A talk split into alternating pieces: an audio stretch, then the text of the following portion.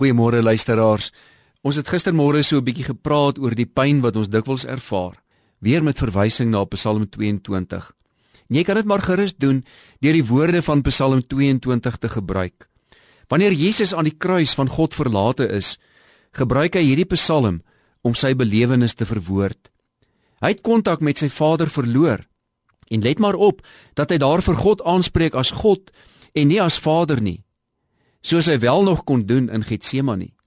Hy verloor egter nie sy geloof in sy Vader nie. God is by ons. Hy het op Golgotha God verlatenheid beleef sodat ons dit nooit hoef te beleef nie.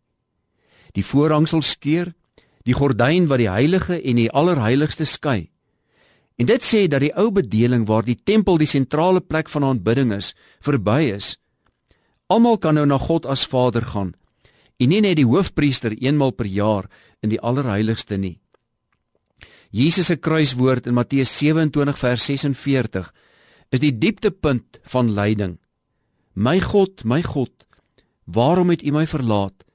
Nie die pyn van die spykers nie, nie die brandende dors nie, nie die benoudheid van lugweë wat toegeknyp word deur die posisie van kruisiging nie, nie die spot van die soldate nie, Nie sy rug wat deur 'n kats met stukkies been en metaal aan die punte vervlenter is of die dorings wat in sy kop ingedruk is nie.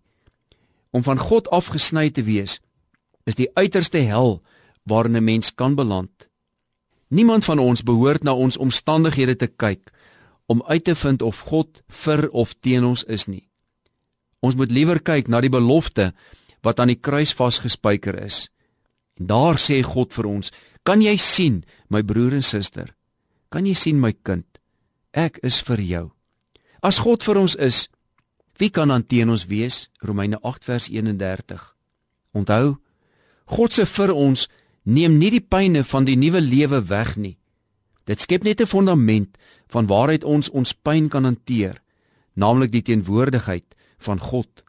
Die teenwoordigheid van God gee nie antwoorde op ons lyding nie, want Christus het nie gekom om die lyding te verklaar nie, maar om dit met sy teenwoordigheid te vul. Sy teenwoordigheid is 'n troos in my lyding. Ek is nie alleen nie. Voordat ons hierdie dag verder ingaan, kom ons sê vir God dankie vir die troos van sy teenwoordigheid. Dankie Vader dat U by ons is. Ons het baie lyding, ons het baie pyn wat ons belewe. Maar dankie dat U gekom het om ons lyding met U teenwoordigheid te vul en dat dit ons troos is. Troos ons dan vandag o Heilige Gees met die troos in Christus. Amen.